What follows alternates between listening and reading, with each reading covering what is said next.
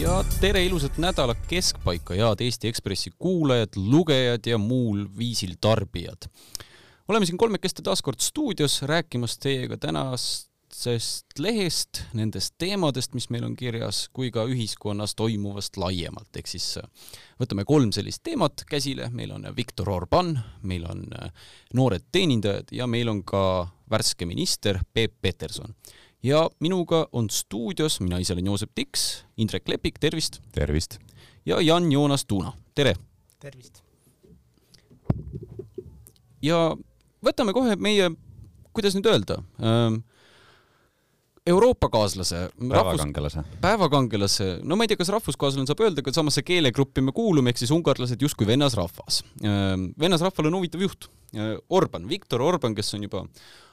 vist on kakskümmend aastat peaaegu et võimul varsti olnud või? vahelduva eduga, ta praegune ametiaeg on kestnud kahe tuhande kümnendast aastast, aga tegelikult oli Ungari peaminister ka üheksakümnendate lõpus, nii et, et selles mõttes kokku, kokku võib isegi neid nii palju tulla, jah ja ma saan aru, et Viktor Orbaniga on küsimus see, et nüüd viimasel nädalal ta paiskas ennast meediasse kui valge rassi esindajana, ehk siis temaga on niigi varem probleeme olnud, aga nüüd siis ta räägib kuidagi sellise hmm, eriti karmi kõnepruugiga, kuskil Rumeenias käis rääkimas, et ungarlasi veenda, et, et ma, ma, ma ei tea, kas see on nüüd selline Viktor Orbani viimane selline luigelaul, et ta võim on lõppemas või miks ta teeb nii, nagu ta teeb? Ja mul meenus seda persoonilugu kirjutades see, et ma olin möödunud aastal temast kirjutanud, et kas see on Viktori Or-, Viktor Orbani äh, lõpu algus ja, ja siis nüüd sel kevadel siis Viktor Orban läks ja võitis ilusti uuesti valimised kahekolmandikulise enamusega, nii et, et seda Orbani lõppu on ennustatud siin omajagu, aga, aga ei ole see veel aeg otsa saanud, aga see on selles mõttes selline tavaline autokraadi Äh, autokraadi nagu äh, võtted, et sul on kaks poolt, sul on selline tugevalt äh, ideoloogiline mm, retoorika, millega siis rahvast mobiliseerida ja millega oma võimu legitimeerida, aga teisal on siis seda, ütleme, see autokraadi nagu lihtsam ja küünilisem elu, kus sa tegelikult oled siis võimu enda kasuks tööle pannud ja ja, ja oma sõprade kasuks. no kas ta nagu Putin siis põhimõtteliselt on ju, et ehitab sarnast riiki üles Ungaris, nagu Venemaal praegu on ehitatud? no hea vahe on selles, et Ungaris ei ole ikkagi sellist repressiivaparaati, et mingit salapolitseid seal ei ole, aga, aga meedia on allutatud võimule, kohtuvõim on allutatud võimule ja, ja nüüd siis jah, Orban räägib sellest, et tema on valge rassi viimane kaitsja, et äh, lääne tsivilisatsioon on siis äh, allakäigutrepi viimastel astmetel äh, mäletame, et Oswald Spengler rääkis sellest juba sajandi eest, kuidas õhtumaad alla käivad ja, ja, ja siis Orban on sellest äh, sõnasabast kinni haaranud ja räägib nüüd siis sellest, et Euroopa tsivilisatsiooni kese tõuseb äh, või liigub siis ütleme sealt kuskilt Kesk-Euroopast ütleme siis Kesk-Euroopast Saksamaa ja Prantsusmaa mõttes kuskil sinna Kesk-Donau madalikule, sinna Karpaatide kanti, kus on nii Ungari kui Rumeenia kui ähm, ütleme allpool siis ka veel Serbia ja Horvaatia, et, et sinna siis koguneb see valge rassi kese, kelle, kelle kanda jääb see Euroopa tsivilisatsioon ja ja, ja seda ta püüab siis oma kaasmaalastele seal selgeks teha, aga, aga fakt on see, et selle taustal on ikkagi kollitamas teda samamoodi energiakriis nagu meid kõiki ülejäänud eurooplasi, vahe on lihtsalt selles, et Ungari on saanud väga pikka aega väga odavat Vene gaasi ja tänu sellele ka tegelikult eh, subsideerinud oma rahva gaasitarbimist või üleüldist energiatarbimist ja nüüd ei ole lihtsalt riigil enam raha neid eh, subsiidiume maksta ja see tähendab seda, et eh, ungarlastele on energiatarbimine oluliselt kallimaks läinud ja, ja seetõttu on tegelikult viimastel nädalatel ka rahvas tänavatel olnud, mida ei ole ikkagi viimaste aastate jooksul eh, juhtunud, nii et, et selles mõttes jah, see Orbani äh, poliitiline võim, äh, võim sellises äh, üsna raskes kohas või vähemasti, vähemasti viimastel aastatel nii keeruline ei ole see seis tal olnud. muidugi varem oli tal selliseid sõpru ja toetajaid, et kui ma mäletan, oli see populaarne jalgpallimäng, kus Helir-Valdor Seeder käis oma karvase näoga, siledama näoga Orbani kõrval on ju naeratamas ja ega Isamaa on ju olnud varem suur selline noh, Orbani meelsusele lähenev erakond, ütleme nii, EKRE on Orbani meelne olnud, neil on sõbrad olnud Poolas, neil on sõbrad olnud Slovakkias, Tšehhis on ju, isegi Trump on vaadanud sinna Orbani pooli oma kampaaniat sellega üles ehitanud. et ta on olnud ikkagi selline teatav viimase kümnendi poliitiliste liikumiste keskpunkt või pide. et nüüd ta on, ma saan aru, ikkagi päris kenasti välja pahandanud poolakad, tšehhid, slovakid, eestlased, kes iganes, kõik taanduvad temast, ütlevad, et kuulge, sellist vene sõpra me küll ei taha enda sõbraks pidada. Jah, Orban sõnastas juba kahe tuhande neljateistkümnendal aastal selle illiberaalse liberaalse demokraatia raamistikku ja, ja toona tegelikult ta leidis tõesti endale mõttekaaslaseid Poolast, Tšehhist, Slovakkiast, kes moodustavad neljakesi selle Visegradi neliku, aga tegelikult eh, nüüd on Ungari jäänud oma selle vene lembusega üksinda ja eriti märgiline on jah see, et nad on poolakad välja vihastanud, et tegelikult nad on poolakatega olnud selline tandem, kes on siis kordamööda üksteist Euroopas kaitsnud igasuguste selliste sanktsioneerivate meetmete eest, et tegelikult nüüd on jäänud ungarlased üksi ja ja, ja lisaks nendele kõrgetele energiahindadele ongi nüüd äh, Orbani mure see, et äh, lähema kuu jooksul siis Euroopa otsustab, kas ta maksab ähm, äh, Ungarile välja neid erinevaid eurotoetuseid, sealhulgas siis sellest Covidi, Covidi paketist, kas ta maksab selle raha välja või mitte ja juhul, kui ta seda ei tee, siis, siis Ungaril jääb ikkagi kõva äh, kõva raha saamata, sellepärast et Orbanile meeldib küll rääkida suveräänsusest ja Ungari rahva ja majanduse võimsusest, aga no tegelikult nii nagu ülejäänud endises, endises Varssavi pakti riikides või ütleme, endises selles raudsees riide taha jäänud kommunistlikus maailmas, et tegelikult nad on ikkagi nii-öelda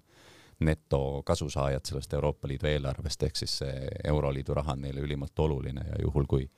Ungari sellest ilma jääb, siis, äh, siis kumb neile olulisem on, kas Euroliidu raha või Vene gaas huvitav, et, et noh,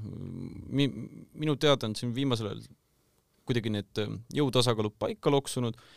ja Euroopas on siis kaks sellist riiki, mis on, ütleme, suuremad Vene sõbrad, et noh, kui Valgevenet nüüd mitte arvestada, et meil on esiteks uh, Ungari ise, kus Orban küll avalikult ei ütle, et ta nüüd suur sõber Venemaaga, aga kes oli esimene selline Euroopa peaminister, kes käis nõks enne sõda veel Putiniga kohtumas, et see oli ju Orban ju, kes seal sõbrustamas. Ja teine selline on siis Serbia, on ju, mis on ka täpselt samamoodi. uh, no kui ka tänavaküsitlusi vaadata, ka inimeste seas on ju, on üpriski populaarne Venemaas just nimelt sellest Jugoslaavia sõja taagast, aga, aga noh, Ungari puhul ma ei kujuta ette, mis see avalik meelsus on, et kuidas seal nähakse sellist no ütleme, kas siis Venemaa suhtes neutraalset või sõbralikku positsiooni, kas rahval ükskord kõrini ei hakka sellest, kuidas Orban käib ja sõlmib nende selja taga leppeid Vene gaasihiiglastega? no seal ongi vahe selles, et kellega sa räägid, et Budapestis sa kindlasti ei näe suurt Orbani meelsust, aga Orbani jõukese ongi väljaspool suurlinnasid, et tegelikult samamoodi nagu Poolas sealne valitsus on oma toetusbaasi kasvatanud ja tegelikult noh, võiks ka öelda, et sama, mis on, ütleme siin kodumaal EKRE, EKRE meetod olnud, et äh, ei minda nii väga seda Tallinna häält jahtima, kuivõrd kogu ülejäänud Eestit. et äh, provintsis sa saad teid asfalteerida ja koole avada ja staadione avada ja kõiki muid asju ja mõistagi sinu sõbrad saavad need kõik projektid valmis ehitada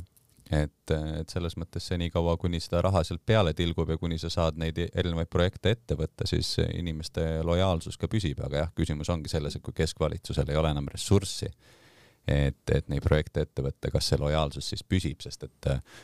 me võime ju arvata, et inimesed on sellised väga ideoloogilised ja meil on väga olulised erinevad äh, rahvuse ja rassi ja ma ei tea, seksuaalidentiteedi ja muude siukeste noh, jah, et siuksed ideoloogilised teemad on meile olulised, aga tegelikult ikkagi lõppkokkuvõttes loeb igaühele tema enda rahakott ja, ja juhul, kui rahakott pihta saab, siis, siis hakatakse rohkem mõtlema selle peale, et võib-olla kuskil on mõni poliitiline jõud, mis äh, saab seda rahakotti jälle paisutama hakata.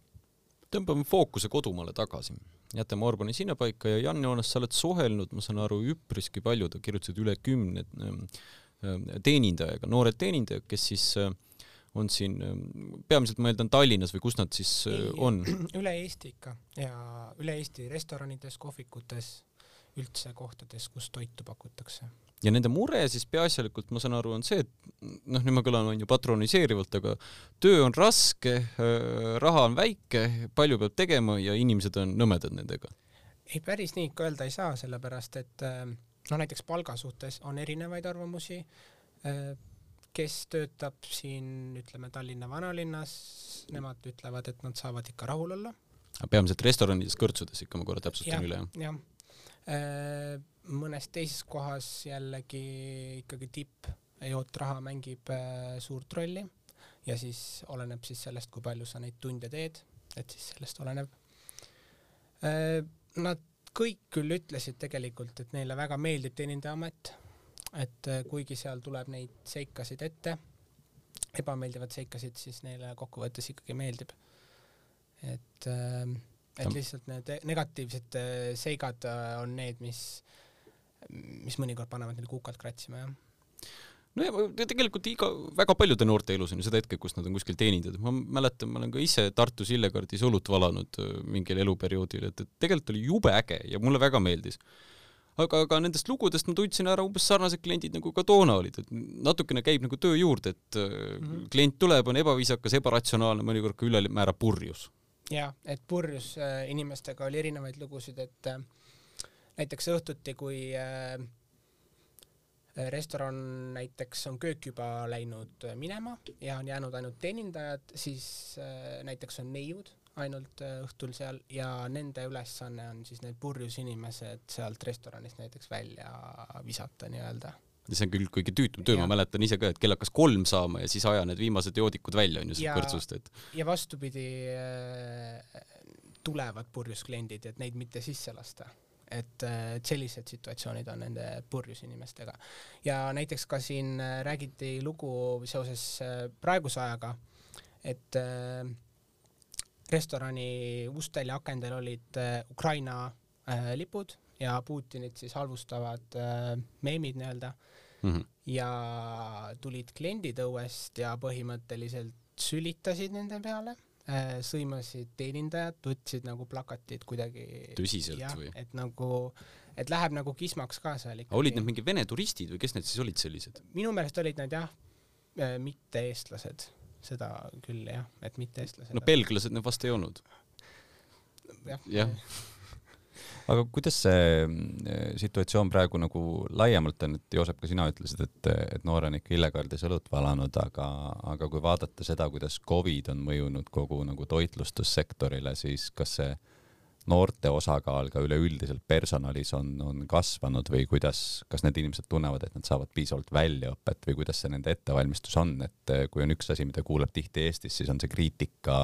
teeninduskultuuri suhtes? Ja selle kohta ma saan ka, sain kinnitust, et äh, see koroona on mõjunud ikkagi lastavalt ja just ongi puudu nendest õppinud teenindajatest Äh, ja on nende asemel siis väga paljud noored ja see on täpselt kahe otsaga, et, äh, et ei saa väita, et ainult noored on süüdi, et nad äh,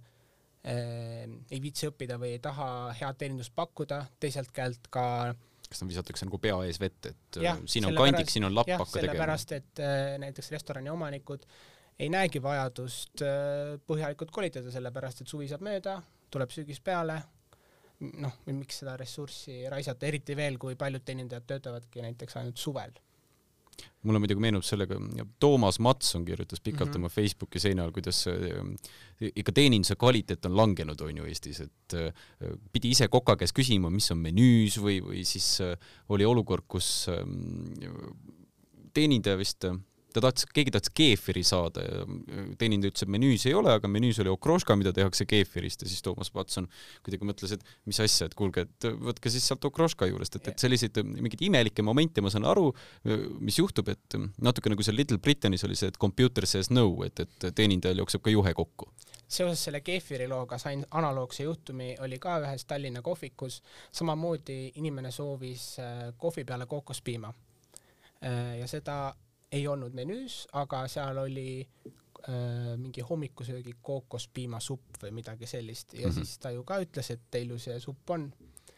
ja siis teenindaja selgitaski mulle, et tegelikult see oli ainult pühapäeva selle brunch'i menüüs ja et see kookospiim, mis sinna läheb, ei ole isegi seesama, mida saab kohvi peale panna.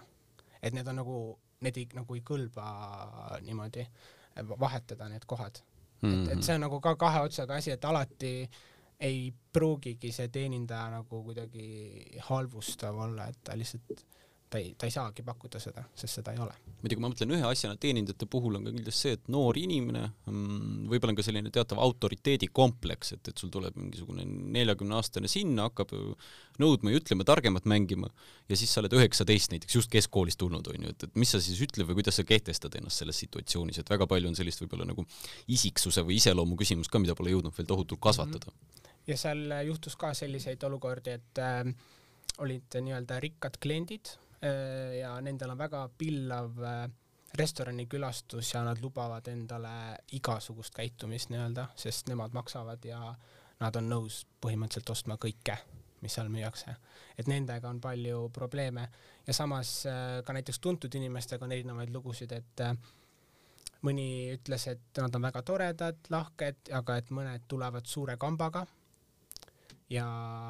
siis põhimõtteliselt äh, keelduvad teenindaja kommentaaridest, et näiteks restoran hakatakse sulema, sulgema,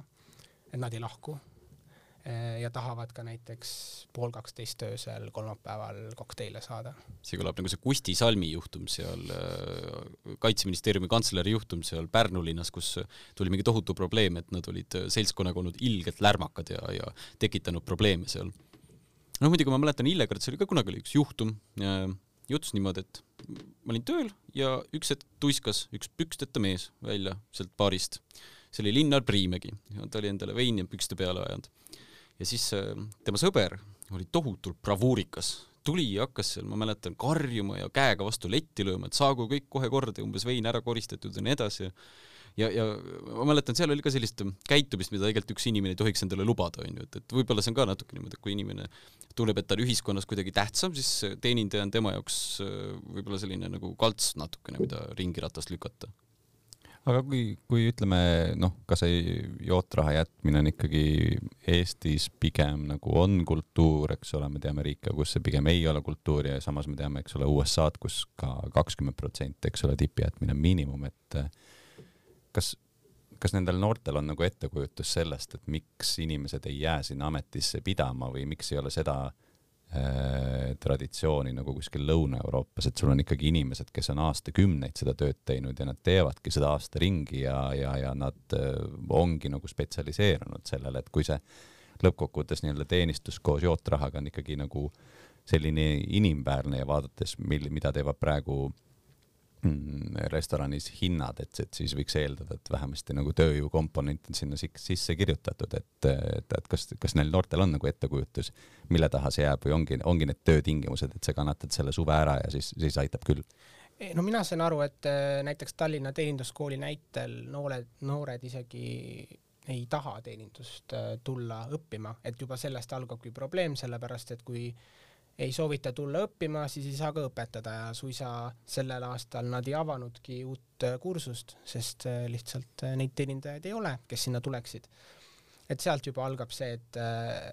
et lihtsalt nad ei taha ja nad võib-olla võtavadki seda kui lihtsalt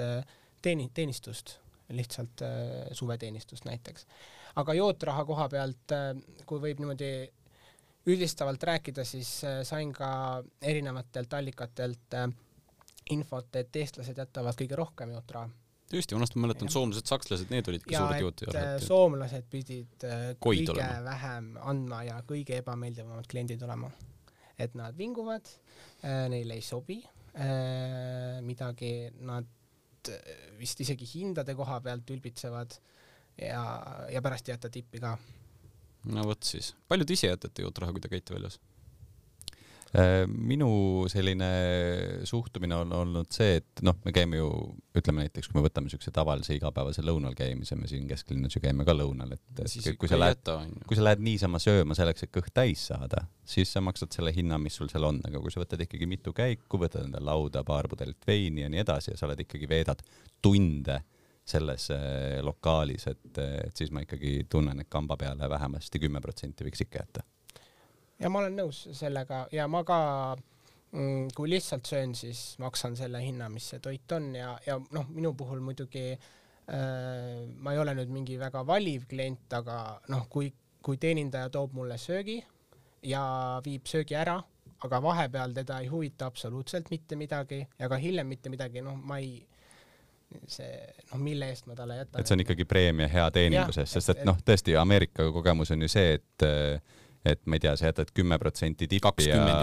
ja, ja siis sa jah, kakskümmend on see norm, eks ole, aga tuleb mõni eurooplane, ei tea, mõtleb, et oh, no ma olen heldem, jätan see kümme protsenti ja siis tuleb teenindaja, jookseb tänava peale järele, ütleb see kuradi mölakas, kakskümmend protsenti jäetakse, sa jätad mind oma teenistusest ilma, mu tööandja ei maksa mulle mitte mingit palka, kogu mu teenistus tuleb tipist, et, et, et selles mõttes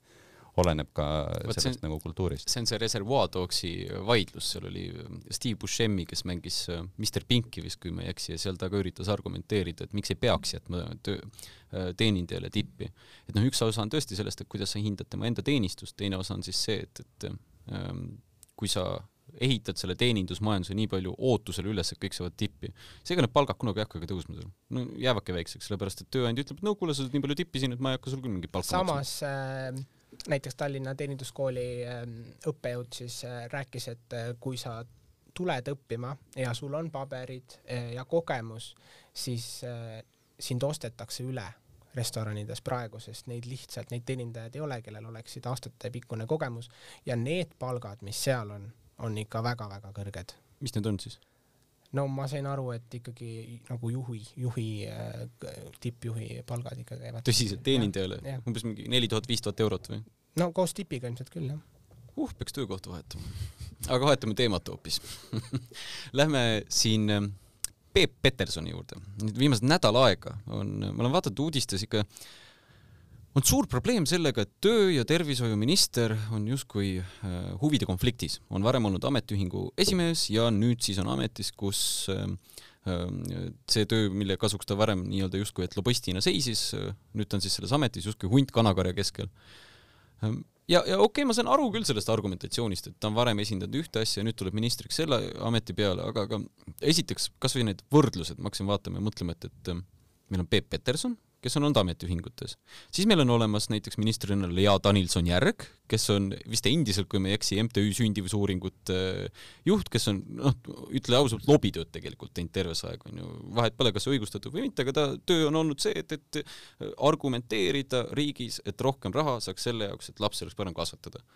Ähm, siis meil on olemas Kristjan Järv. vabandust, ma, ma täpsustan mitte, et lapsi oleks parem kasvatada, vaid et lapsi rohkem sünnitatakse. jah, jah, just, just. noh, üks on tingimus teisele, onju. Äh, ja siis meil on lõppkokkuvõttes on ka veel Kristjan Järvan, onju, kes on äh, IT- ja ettevõtlusminister, kellel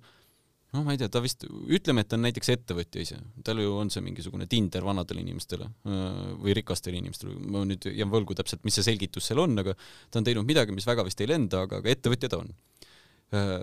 selles mõttes ta on ka justkui hunt kananahas, ettevõtjana tulnud ettevõtlusminister, kuidas see küll saab, pole ju neutraalne. ja, ja samas ma mõtlen, et ega ta ju meediasse ja tähelepanusse kerkiski sellega ainult, et ta oli suur-suur eesseisja selle eest, et teine sammas saaks lammutatud. et ka täitsa siuke lobist. ja, ja noh, mis, mis, mis selle Petersoniga on, minu arust veider on see, et, et seda nii kõvasti uhatakse, see tundub nagu kellegi spinn või PR, mis kuskilt tuleb, sellepärast et just nimelt nende kahe ministriga, keda ma mainisin, et nendelt nagu tähelepanu kõrvale tõmmata, et me ei karatsiks endiselt kukalt, et kes on Lea Danilson-Järg ja miks ta sinna sai, kes on Kristjan Järven ja miks ta sinna sai. et, et meie tähelepanu oleks siis Peep Petersoni peal ja tema puhul ma nagu ka kuidagi, no mis on see oht? millest me räägime? Kaja Kallas kirjeldas kuidagi, et läbirääkimistel on siis kolm osapoolt, tavaliselt on ametiühingud, tööandjad ja riik kui me võtame tööandjatest kellegi, siis on jälle jama ju. või kui me võtame mõne riigi endise esindaja, noh, ma ei tea, meil on Riina Sikkut tulnud riigisektorist või meil on, tulnud praegune uus, uus kultuuriminister on ju kultuurisektorist, ka riigisektorist, see tähendab, et kas see on ka siis huvide konflikt? et jah, ei, ei see on selles mõttes huvitav, et noh, esiteks ega see Eesti Ametiühingu liikumine nüüd teab mis tugev ei ole aga, aga ma arvan ka, et kui me räägime sellest heast tavast, et lobistid ei lähe valitsusse vähemasti mitte vahetult pärast oma ettevõttest nagu lahkumist või otse sealt, et siis me peame silmas ju eelkõige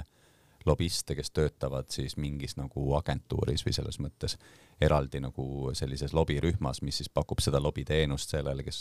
kes selle teenuse eest no, maksab. kui laialt see lobist defineerida on ju, kui ta mingi huvigrupi esindaja, kas ta on lobist või ta on siis